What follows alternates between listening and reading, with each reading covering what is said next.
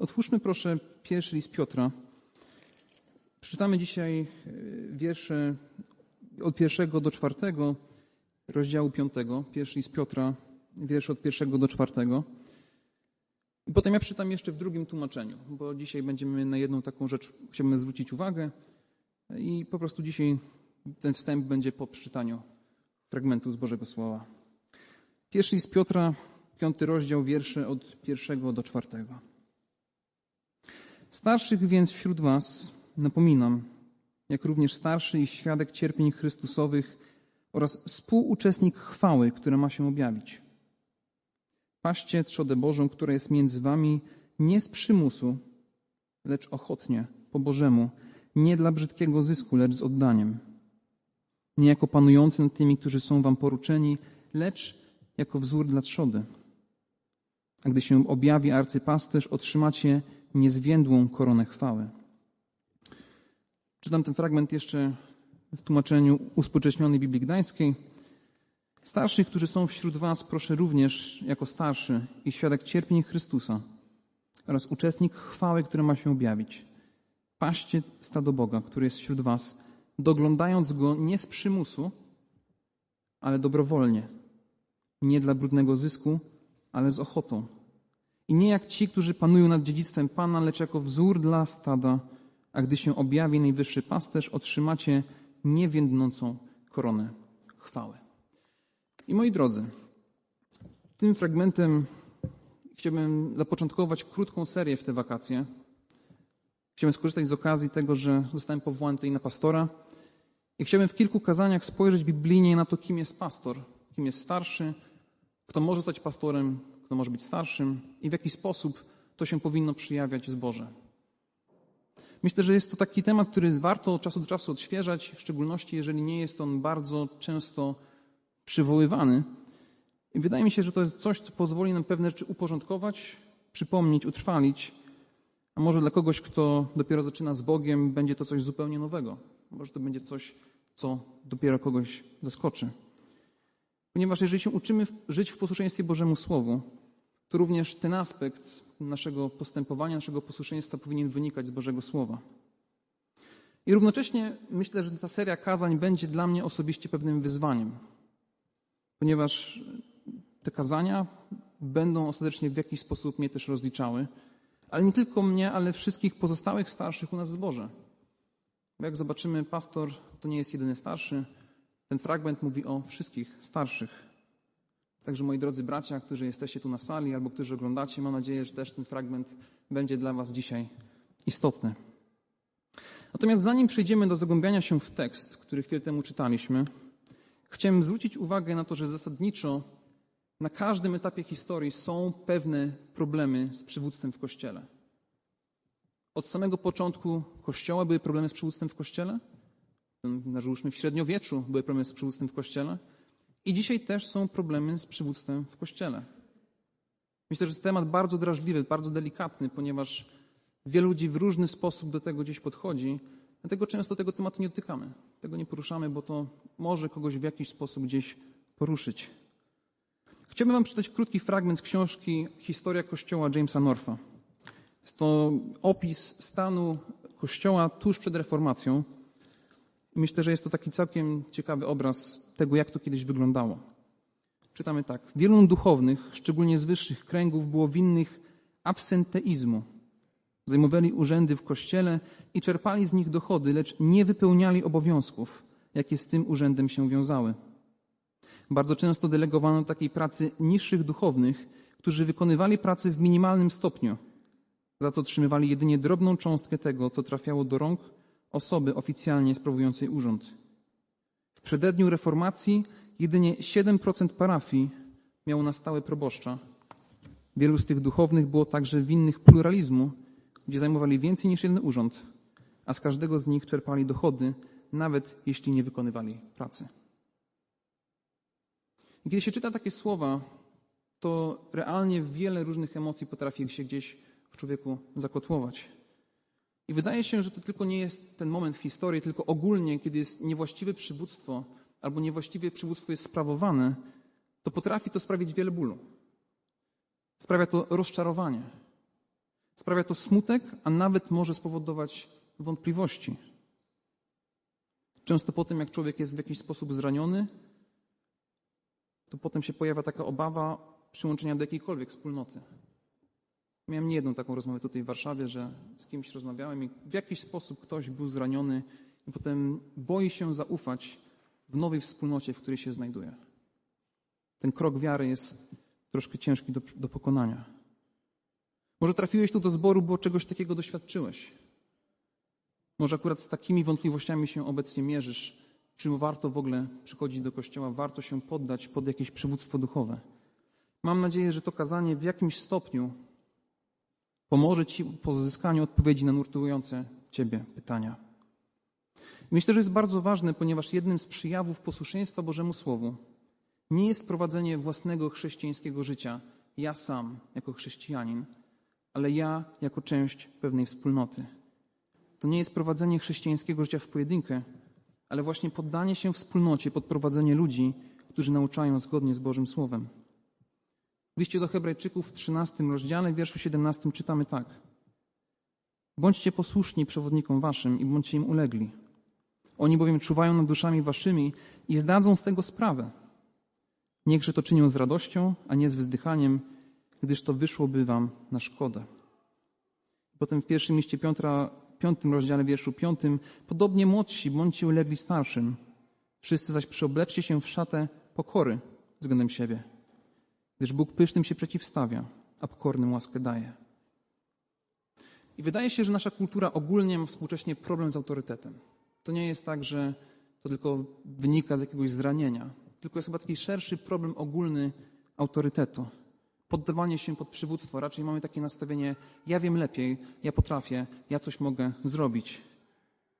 Więc jakiś taki koncept poddania się pod duchowe prowadzenie jest dzisiaj ludziom ogólnie obcy. I kiedy patrzę na ten fragment tutaj, o którym czytaliśmy w pierwszym liście Piotra, to kiedy patrzę na ten obraz, który jest tutaj użyty przez Piotra, a odnosi się do obrazu użytego przez Jezusa Chrystusa, że pastor jako duszpasterz, albo starszy jako duszpasterz, jest tak pięknym obrazem, ponieważ ukazuje, że to wymaga zaufania. Czytaliśmy dzisiaj fragment mówiący o tym, że owce znają głos swojego pasterza i mu ufają, za głosem obcego nie pójdą. I tam się pojawia taki aspekt zaufania. W kościele musi być zaufanie między przywództwem a tym, który on prowadzi, bo tymi, którzy oni prowadzą. Jeżeli to zaufanie w jakimś sposób zostaje zerwane, to cały ten aspekt przywództwa nagle przestaje właściwie funkcjonować. I zaufanie do pastorów czy starszych polega na tym, że wiem, że oni będą przekazywać głos Chrystusa zgodnie z tym, co jest napisane w Bożym Słowie. Wiem, że jak przyjdę do zboru, to mnie nic złego nie spotka, ponieważ wiem, że mój pastor naucza zgodnie z Bożym Słowem. Wiem, że ci ludzie się o mnie modlą i o mnie się troszczą i wiem, że tutaj nie będzie nagle jakiejś dziwnej zmiany i będę zaskoczony i będę zgorszony. Na tym polega zaufanie do tego przywództwa. Więc mamy pewien aspekt ogólnego zaufania tego, że w jakimś stopniu ludzie, którzy się poddają, ufają tym, którym, którym się poddają. I mamy tutaj fragment, który mówi o starszych. W pierwszym liście Piotra, w pierwszym wierszu czytamy: Starszych więc wśród Was napominam, jako również starszy i świadek cierpień Chrystusowych oraz współuczestnik chwały, która ma się objawić. I to jest bardzo ciekawe, że w tym, w tym miejscu, kiedy apostoł Piotr pisze do starszych, to on się nie powołuje na swój autorytet apostoła. Na początku listu czytamy Piotr, apostoł Jezusa Chrystusa. Więc Piotr ma pełen autorytet jako ten, który mówi w imieniu Chrystusa, żeby się na ten autorytet teraz powołać i powiedzieć: Słuchajcie, ja wam teraz mówię, jak ma być. Ja wam powiem i macie się mnie słuchać, bo ja jestem apostołem, a wy jesteście starszymi. Nie, nie, nie, nie, nie. Tutaj apostoł Piotr dokonuje ciekawego zabiegu. Mówi, słuchajcie, wy jesteście starszymi, ja też jestem starszym. I słuchajcie, ja teraz mówię do was jako równy z równym. Teraz wysłuchajcie mnie jako ten, który też wie, o czym mówi. Apostoł Piotr mówi dalej, świadek cierpień Chrystusowych. Wcześniej w liście powoływał się na to, że była wielka, wielka przemiana na górze. I on to widział. Ale do tego się nie odnosi. On się odnosi do cierpień Chrystusowych. Piotr przyjawia w tym fragmencie, kiedy wzywa do pewnego postępowania przejawia bardzo pokorne, uniżone podejście, ponieważ chce ten sam duch przekazać tym, do których pisze. On chce, żeby ci, którzy czytają ten fragment, mieli to samo podejście w tym, jak traktują innych. Co jeszcze się pojawia w tym pierwszym wierszu, myślę, że jest to bardzo ważne. Pojawia się tutaj nie jeden starszy, ale wielu starszych. Czytamy: Starszych więc was napominam. To nie jest jeden starszy. To nie jest jeden pastor celebryta. Jest to grupa ludzi odpowiedzialnych duchowo za tą konkretną grupę ludzi, którą Bóg im daje. Jest to pewien model, który wynika nawet ze Starego Testamentu, kiedy Mojżesz okazał się, że było dla niego za trudno, było za dużo jakby pewnego obowiązku na nim spoczywało. I potem przychodzi jego teść Jetro i mówi: Słuchaj, musisz, potrzebujesz pomocy. Znajdź sobie ludzi, którzy ci w tym pomogą. I w Księdze Wyjścia w 18 rozdziale czytamy: Ale ty upatrz sobie z całego ludu mężów dzielnych, bogobojnych, mężów godnych zaufania, nieprzekupnych. I ty ustanów nad nimi jako przełożonych nad tysiącem albo setką, albo nad pięćdziesiątką, albo nad dziesiątką, aby sądzili lud w każdym czasie. Tobie zaś niech przedkładają każdą ważniejszą sprawę, a każdą pomniejszą niech rozsądzą sami. Tak odciążysz siebie, a oni ponosić będą odpowiedzialność wraz z Tobą. Jeśli to uczynisz, to podołasz temu, co Ci Bóg nakazuje, a również cały ten lud wróci w spokoju do swego miejsca. Więc kiedy jest więcej niż jeden starszy, to to zmniejsza natężenie, to zmniejsza obciążenie tego jednego starszego, który byłby odpowiedzialny za, za całość. Zmniejsza też zagrożenie wypalenia, gdzie realnie jeden starszy może pójść, odpocząć i kolejny przyjmuje jego obowiązki, bo też jest do tego w odpowiedni sposób przygotowany. Wielu starszych zmniejsza ryzyko rządów autorytarnych jednego starszego. Jeżeli jest tylko jeden starszy przełożony nad kościołem, to się nagle okazuje, że może podejmować jakieś decyzje, które mogą być na szkodę zboru, nie na szkodę, nie na dole, nie na jego dobra. Różni starsi mają różne dary. Są starsi, którzy mają pewne obdarowanie może w kwestiach finansów, są ci, którzy potrafią dobrze administrować, są ci, którzy potrafią dobrze słuchać. Każdy starszy w szczególny sposób coś wnosi w zbór. Tak samo każdy starszy w naszym zborze coś wnosi. Każdy starszy, który jest wybrany jako starszy tutaj w zborze, wnosi jakiś element, który jest bardzo wyjątkowy. Różni starsi uczą pokory. Czasami jest różnica zdań, kiedy jeden starszy uważa jedną rzecz, drugi uważa drugą i trzeba się jakoś dogadać, trzeba coś wyjaśnić. Może nie zawsze będzie tam tak łatwo dojść do wspólnego języka, a jednak się okazuje, że mój głos niekoniecznie jest najważniejszy, ponieważ ktoś inny ma inne zdanie. Więc tu się pojawia bardzo silny przekaz pewnej pokory, pewnego uniżenia, gdzie nie można forsować swojego spojrzenia za wszelką siłę, ale realnie będę tym, który będzie w jakiś sposób starał się dogadać. I właśnie takim wstępem Piotr zaczyna pewne wezwanie do tych starszych. I to wezwanie zaczyna się w wersycie drugim na początku, gdzie jest napisane: Paście trzodę Bożą, która jest między wami. Paście trzodę Bożą. W tym fragmencie, który dzisiaj jeszcze doczytałem z uspółcześnionej Biblii Gdańskiej, pojawia się jeszcze aspekt doglądaj trzodę. To jest taka różnica w manuskryptach, ale generalnie się uznaje, że to doglądaj trzodę jest dobrym dodatkiem. Tam się pojawia słowo episkopos, czyli to, co dzisiaj uznajemy za słowo biskup. Dlatego w tym fragmencie jest bardzo ciekawe połączenie trzech słów. Słowa presbiteros, czyli starszy, episkopos, czyli biskup, nadzorca, ten, który dogląda, i słowo poimanen, czyli pasterz, albo ten, który dba o trzodę. Te trzy słowa, te trzy funkcje są sobą zjednoczone, są sobą nierozłączne. To są słowa, które się pojawiają w Nowym Testamencie i są używane wymiennie. Na przykład w Dziejach Apostolskich w 20 rozdziale, w wierszu 27. Miejcie pieczę o samych siebie i o całą trzodę, wśród której was Duch Święty ustanowił biskupami, abyście paśli zbór pański nabyty Jego własną krwią. Paweł zwraca się tam do starszych, czyli prezbiterów. W trakcie swoich wypowiedzi nazywa ich biskupami, czyli episkopos, oraz wzywa ich o to, żeby w pasterski sposób troszczyli się o to, co im zostało przez Chrystusa powierzone. Zauważcie, że tutaj nie ma rozdziału na starszych, na biskupów czy też nadzorców oraz pastorów czy też duszpasterzy. Te wszystkie trzy elementy w jakimś stopniu się łączą i są sobą powiązane. I w Nowym Testamencie te terminy są używane zamiennie. Oznacza to, że w praktyce nie ma osobnego urzędu pastora. Nagle to się może wydawać takie szokujące, bo przecież są pastorzy w zborze. Jakim cudem może być tak, że nie ma urzędu jak pastor?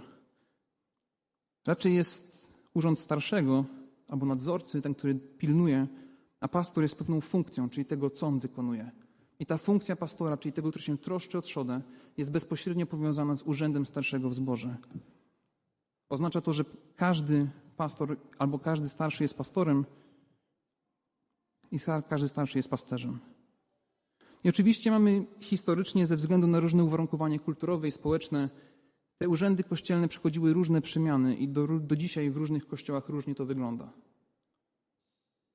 Ale w praktyce, przynajmniej w kościele baptystów, jest tak, że pastor jest jakby starszym nauczającym. Czyli w Nowym Testamencie widzimy starszych, gdzie każdy starszy powinien mieć umiejętność nauczania, ale też są starsi nauczający, którzy sprawują jakby tą odpowiedzialność częściej niż inni. Czyli oni są tymi, którzy sprawują to regularnie. Więc ten aspekt starszego i nadzorcy i pastora wiąże się bardzo blisko z sobą. I ten nakaz, który się pojawia, paście trzodę Boga, jest jakby wskazaniem dokładniej na to, w jaki sposób i czym się ci starsi mają zajmować. To jest coś, co Jezus powiedział Piotrowi, zanim Jezus w niebo wstąpił. I czytamy w Ewangelii Jana w 21 rozdziale, wierszach od 15 do 17. Gdy więc spożyli śniadanie, rzekł Jezus do Szymona Piotra: Szymonie, synu Jana, miłujesz mnie więcej niż ci? Rzekł mu: Tak, panie, ty wiesz, że cię miłuję. Rzeczy mu: Paś owieczki moje. Rzeczy mu znowu po raz drugi: Szymonie, synu Jana, miłujesz mnie? Rzekł mu: Tak, panie, ty wiesz, że cię miłuję. Rzekł mu: Paś owieczki moje. Rzeczy mu po raz trzeci: Szymonie, synu Jana, czy mnie miłujesz? Zasmucił się Piotr, że mu po raz trzeci powiedział: Miłujesz mnie. I odpowiedział mu: Panie, ty wszystko wiesz, ty wiesz, że ci miłuję. Rzeczy mu Jezus: Paś owieczki moje. Dla Boga jest ważne to, aby pasterze dobrze swoją funkcję wykonywali. Ta troska jest powierzona z ogromną odpowiedzialnością i będą z tego rozliczeni, o czym czytaliśmy już w liście do Hebrajczyków. Będą z tego pasterze rozliczeni. I Jezus w tej rozmowie z Piotrem używa dwóch słów. Oba mogą oznaczać pasenie owiec, ale jedno również oznacza karmienie. Czyli jedną z podstawowych funkcji pasterza jest to, że zapewnia im pokarm, zapewnia im dobry pokarm. To jest bardzo podobna myśl, jedna i druga. I myślę, że żaden dobry pasterz nie będzie zabierał swoich owiec na jakieś złe pastwiska i na pewno nie będzie zabierał swoich owiec tam, gdzie są strumyki wody zatrutej na przykład. To byłby bardzo zły pasterz, gdyby tak miało miejsce. Co więcej, to do pasterza należy rozróżnienie, na jakie pastwisko w danej chwili je zabrać owce. I do pasterza należy to decyzja i roz, rozważenie tego, co akurat ludzie powinni usłyszeć, jakby jaki jest stan duchowy zboru i do czego powinno się ich prowadzić. Pastor ma ich zachęcać, ma ich budować prawdami prowadzącymi do coraz lepszego poznawania zbawczego dzieła Jezusa Chrystusa. Pastor nie ma mówić akurat tylko to, co ludzie chcą słyszeć. Czasami jest tak, że ludzie mówią, dobrze, to potrzebujemy tego, chcemy tego, chcemy tego, chcemy tego. Ale na przykład w drugim mieście do Tymoteusza czytamy o tym, że no, pastor musi głosić w każdym czasie, czy to jest dogodny czas, czy też niedogodny. Czy jest akurat na to moda, żeby słuchać, czy też nie ma mody. To jest zadanie, które jest ciągle wykonywane, bez względu na okoliczności. W Starym Testamencie w Izraelu, kiedy pasterze nie wykonywali swojej pracy dobrze, to Bóg ich napominał. Biada pasterzom, którzy gubią i rozpraszają owce mojego pastwiska, mówi Pan. Dlatego tak mówi Pan, Bóg Izraela o pasterzach, którzy pasą mi lud. To wy rozproszyliście moje owce i rozpędziliście je, a nie zatroszczyliście się o nie. To też ukaże was za wasze złe uczynki i sam zgromadzę resztę moich owiec ze wszystkich ziem, do których je wygnałem i sprowadzę je na ich, na moje pastwisko. I będą płodne i liczne i ustanowię na nich pasterzy, którzy je paść będą i nie będą się już bały ani trwożyły i żadna z nich nie zaginie. Dobrzy pasterze w dobre miejsca prowadzą swoje owce, dobrze prowadzą duchowo swój lud. I teraz pytanie, w jaki sposób się dokonuje to doglądanie? W jaki sposób można we właściwy sposób nadzorować i troszczyć się w odpowiedni sposób o tych, których ma się pod swoją opieką? Czy spotkaliście kiedyś rolnika, który nie pachniał jak obora?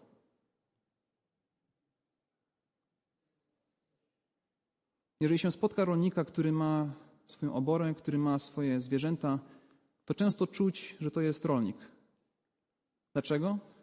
Bo spędza z nimi czas. Jest z nimi, wie czego potrzebują, wie jak je nakarmić. Podobnie jest z dobrym pasterzem. Pasterz dobry nie będzie pasterzem, który będzie się chował przed swoimi owcami, ale będzie chciał z nimi przybywać, będzie chciał z nimi rozmawiać, wysłuchać, może tej samej historii po raz kolejny. Na tym polega bycie blisko tych, którzy realnie są mu dani. Bycie w smutkach, tak jak dzisiaj, i w radościach, tak jak dzisiaj. To wszystko się składa na posługę pasterską. To właśnie ludzie są ich służbą. I służba pastora wynika z głębokiej miłości do Chrystusa i przejawia się głęboką miłością do ludzi mu powierzonych. Wynika to z głębokiej miłości do Chrystusa i przejawia się to głęboką miłością do ludzi mu powierzonych. Ponieważ na chwilę, na chwilę Bóg postanowił, żeby dać odpowiedzialność na pewną grupą ludzi duchową dla pewnych odpowiednich duszpasterzy. Czytamy o tym, że to jest trzoda Boża, która jest między wami. Owieczki w tym fragmencie to są ludzie wykupieni drogocenną krwią Chrystusa, przelaną na krzyżu. I to On decyduje się, żeby na, na krótką chwilę, to może być rok, może być dwa, może być dziesięć albo pięćdziesiąt. To jest krótka chwila w perspektywie wieczności. Żeby na krótką chwilę dać odpowiedzialność duchową nad Jego trzodą pewnym ludziom. Jest to ogromny przywilej, ogromna odpowiedzialność, ale równocześnie jest to coś, co oni powinni chcieć robić.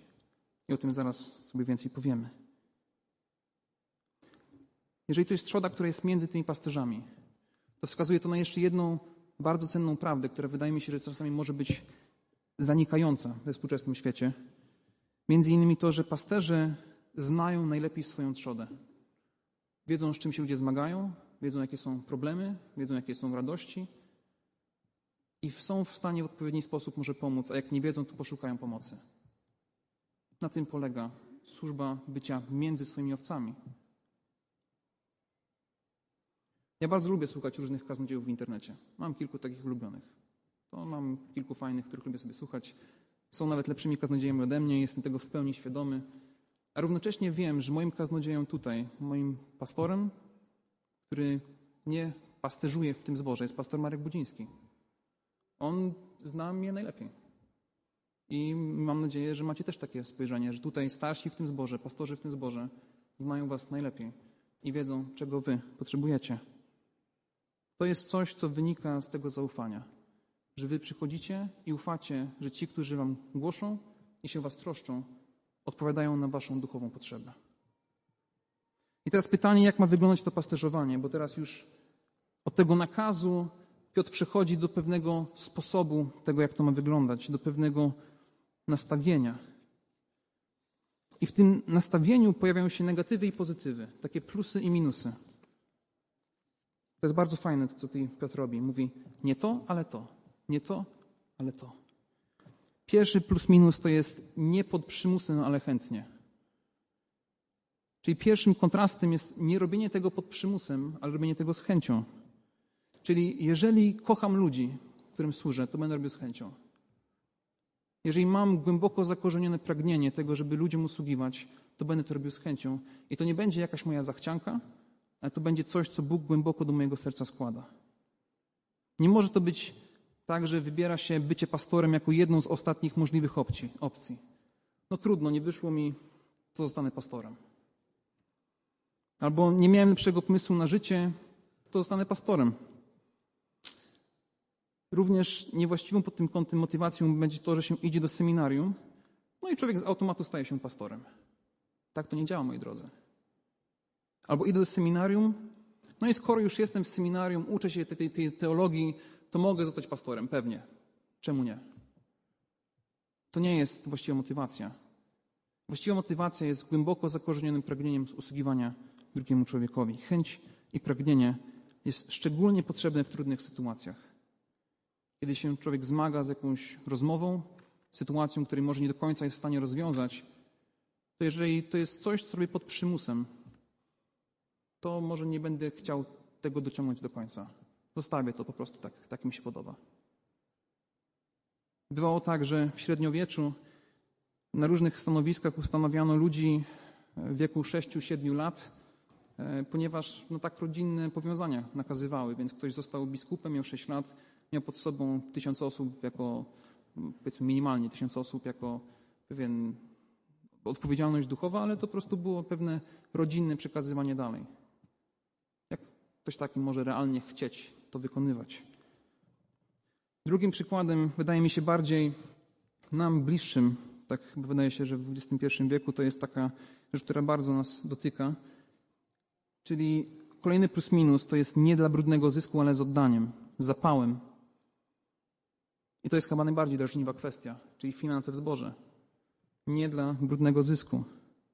I tutaj o czym Piotr pisze, to jest ochrona przed lenistwem duchowym. Czyli mogę powiedzieć, co mi się podoba, zgarnę kasę i przez cały tydzień człowiek się obija. Na tym polegała służba takich filozofów wędrownych. Oni chodzili z miasta do miasta i nagle zaprosili parę osób, wysłuchali, zbierali pieniądze i potem siedzieli przez tydzień. I bardzo ciekawe są różne takie pisma z tamtego czasu, gdzie ostrzegają, jak rozpoznać fałszywego filozofa od prawdziwego wędrownego filozofa. To tam z tym, do tego się tutaj prawdopodobnie Piotr odnosi. Ale to nastawienie do tego, że chce użyć swojej pozycji do tego, żeby zarobić na tym pieniądze, to jest właśnie to, o czym tu mówi Piotr. Ponieważ postawienie siebie w sytuacji, kiedy ma się zaufanie ludzi, prowadzi to do dużych możliwości malwersacji finansowych. Dobrych kilka lat temu była dosyć głośna sprawa z pewnym pastorem z Singapuru, który wziął z kasy swojego zboru kilkadziesiąt milionów funtów, żeby rozkręcić karierę muzyki popowej swojej żony. I niestety się okazało, że żona tego pastora nie śpiewała tak pięknie, jak on się tego spodziewał, i te pieniądze nigdy do kasy zborowej nie wróciły. Nie wiem, dla mnie jedną z piękniejszych rzeczy, jaka się dzieje na konferencji zboru dorocznej, jaką mamy, jest to, kiedy jest sprawozdanie finansowe, gdzie finanse są przejrzyste, i potem jeszcze przychodzi komisja skrutacyjna, która potwierdza, że te finanse są przejrzyste. I realnie nie ma tutaj możliwości na jakieś dziwne zagrywki. To jest coś pięknego. Naprawdę to się wydaje, że to jest po prostu kolejny element konferencji zboru. Nie, nie, nie. Jest coś wspaniałego, który pokazuje, że my realnie jesteśmy też odpowiedzialni wobec innych, jeżeli chodzi o finanse. Co jakiś czas można w mediach i w internecie trafiać na informację, że komuś Bóg powiedział, że ma zabrać 40 milionów dolarów na nowy samolot prywatny. Komuś Bóg powiedział, że ma się przeprowadzić do willi z ogromnym basenem na 15 milionów dolarów i zbiera, i zbiera, i ludzie płacą, i płacą. I potem jak się dowiedzą, że jednak to szło na niewłaściwe cele, to potem jest smutek, jest płacz i nie wiadomo, co z tym zrobić dalej. I teraz to nie znaczy, że pastor nie może zarabiać pieniędzy, że nie może otrzymać wynagrodzenia. Apostoł Paweł też bronił tego prawa. W pierwszym liście do Koryntian mówił, a tak też postanowił Pana, żeby ci, którzy Ewangelię zwiastują, z Ewangelii żyli. Jednak nie korzystałem z żadnych z tych rzeczy, a nie napisałem tego w tym celu, aby to do mnie odniesiono, bo wolałbym raczej umrzeć, niż żeby ktoś miał mnie pozbawić tej chluby. Czyli może pastor zarabiać pieniądze, ale nie powinien używać swojej pozycji do tego, żeby wyzyskiwać zbór, żeby wyzyskiwać tych, którzy mu ufają. Ostatnie plus minus to jest nie jako panujący nad tymi, którzy są wam poruczeni, lecz jako wzór dla trzody. I tu jest pewien kontrast sprawowania swojej władzy w sposób władczy i autorytarny z uniżonym panowaniem jako wzór. Czyli ponownie się pojawia aspekt pokory, aspekt uniżenia. I bardzo smutne są rozmowy, kiedy ktoś wyjdzie z jakiejś takiej wspólnoty, gdzie realnie ktoś w jakiś naprawdę władczy, autorytarny sposób sprawuje swoją władzę. I potem jest ból, jest smutek, jest niezrozumienie, dlaczego jak do tego doszło. Ale z drugiej strony ten kontrast, który tu się pojawia, jest bardzo drastyczny, bo już ta władza w kościele ma się przejawiać, też wpływ ma się przejawiać jako wzór. I tutaj się pojawia ten aspekt wielu starszych. Jak jest wielu starszych, jest wiele, wiele wzorów. Na przykład ja nie jestem w stanie być wzorem w wychowywaniu dzieci. Nie mam dzieci, nie mogę być wzorem w tym zakresie. Ale są inni starsi, którzy mieli dzieci i można się ich zapytać, jak do tego doszło, że ich dzieci wzrastają w poznaniu Boga. To jest pewien wzór, którego Bóg chce, żebyśmy po prostu z tego korzystali. Są pewne rzeczy, w jednym starszy jest lepszy i inny starszy jest czymś innym lepszy. Mają ogólnie być wzorem w wierze, w posłuszeństwie Bogu i prawdzie, ale w szczególności w pewnych sytuacjach życiowych to Bóg daje konkretnych starszych do tego, żeby mogli nam w jakiś sposób posłużyć. To jest, jak czytałem, tak, ktoś podał bardzo taką mądrą myśl pod tym kątem. Powiedział, że czy wiecie, dlaczego Bóg daje nam wzór? Jako ludzi, którzy mają być wzorami. Apostoł Paweł sam mówił, naśladujcie mnie, jak ja naśladuję Chrystusa. Czyli to nie jest coś nowego tutaj. I to się pojawia, przynajmniej tak ta osoba uważa, ja się z tym zgadzam, że patrząc na kogoś bliżej mnie, to jestem w stanie powiedzieć: OK, to jest do zrobienia. Czyli tak jak patrząc na Chrystusa, patrząc na Jego cudowność, na Jego wspaniałość, na to, kim On jest, jaki On jest doskonały, to można czasem mieć takie poczucie: Ja tego nie zrobię. Jest to bardzo dobre uczucie, bo tego nie zrobimy. Nigdy nie dorównamy Chrystusowi, mimo że tego dążymy, chcemy być jak Chrystus. Ale potem Chrystus ustanawia ludzi i mówi: Słuchajcie, wystarczy, jak będziesz troszkę jak On. Potem się patrzy mówi: OK, to jest do zrobienia. Mogę to zrobić. Mogę w ten sposób żyć, mogę tak postępować. Jest to dzięki, dzięki temu coś prostszego, dzięki czemu jest to coś łatwiejszego. Jest to wzór, który jestem w stanie naśladować. I ostatecznie przechodzi się proces uświęcenia. Czyli widzimy się w różnych momentach życia i tak jak w jednym momencie starszy może czegoś mu brakuje, to wierzymy, że Bóg uzupełnia te braki po drodze. Jak czegoś brakuje, to po drodze może coś się zmieni i Bóg będzie wyposażał jednego, drugiego, trzeciego, starszego do tego, żeby byli odpowiednim wzorem w odpowiednim miejscu. I moi drodzy, czym to się kończy? Kończy się tym, że gdy się objawi arcypasterz, otrzymacie niezwiędłą koronę chwały.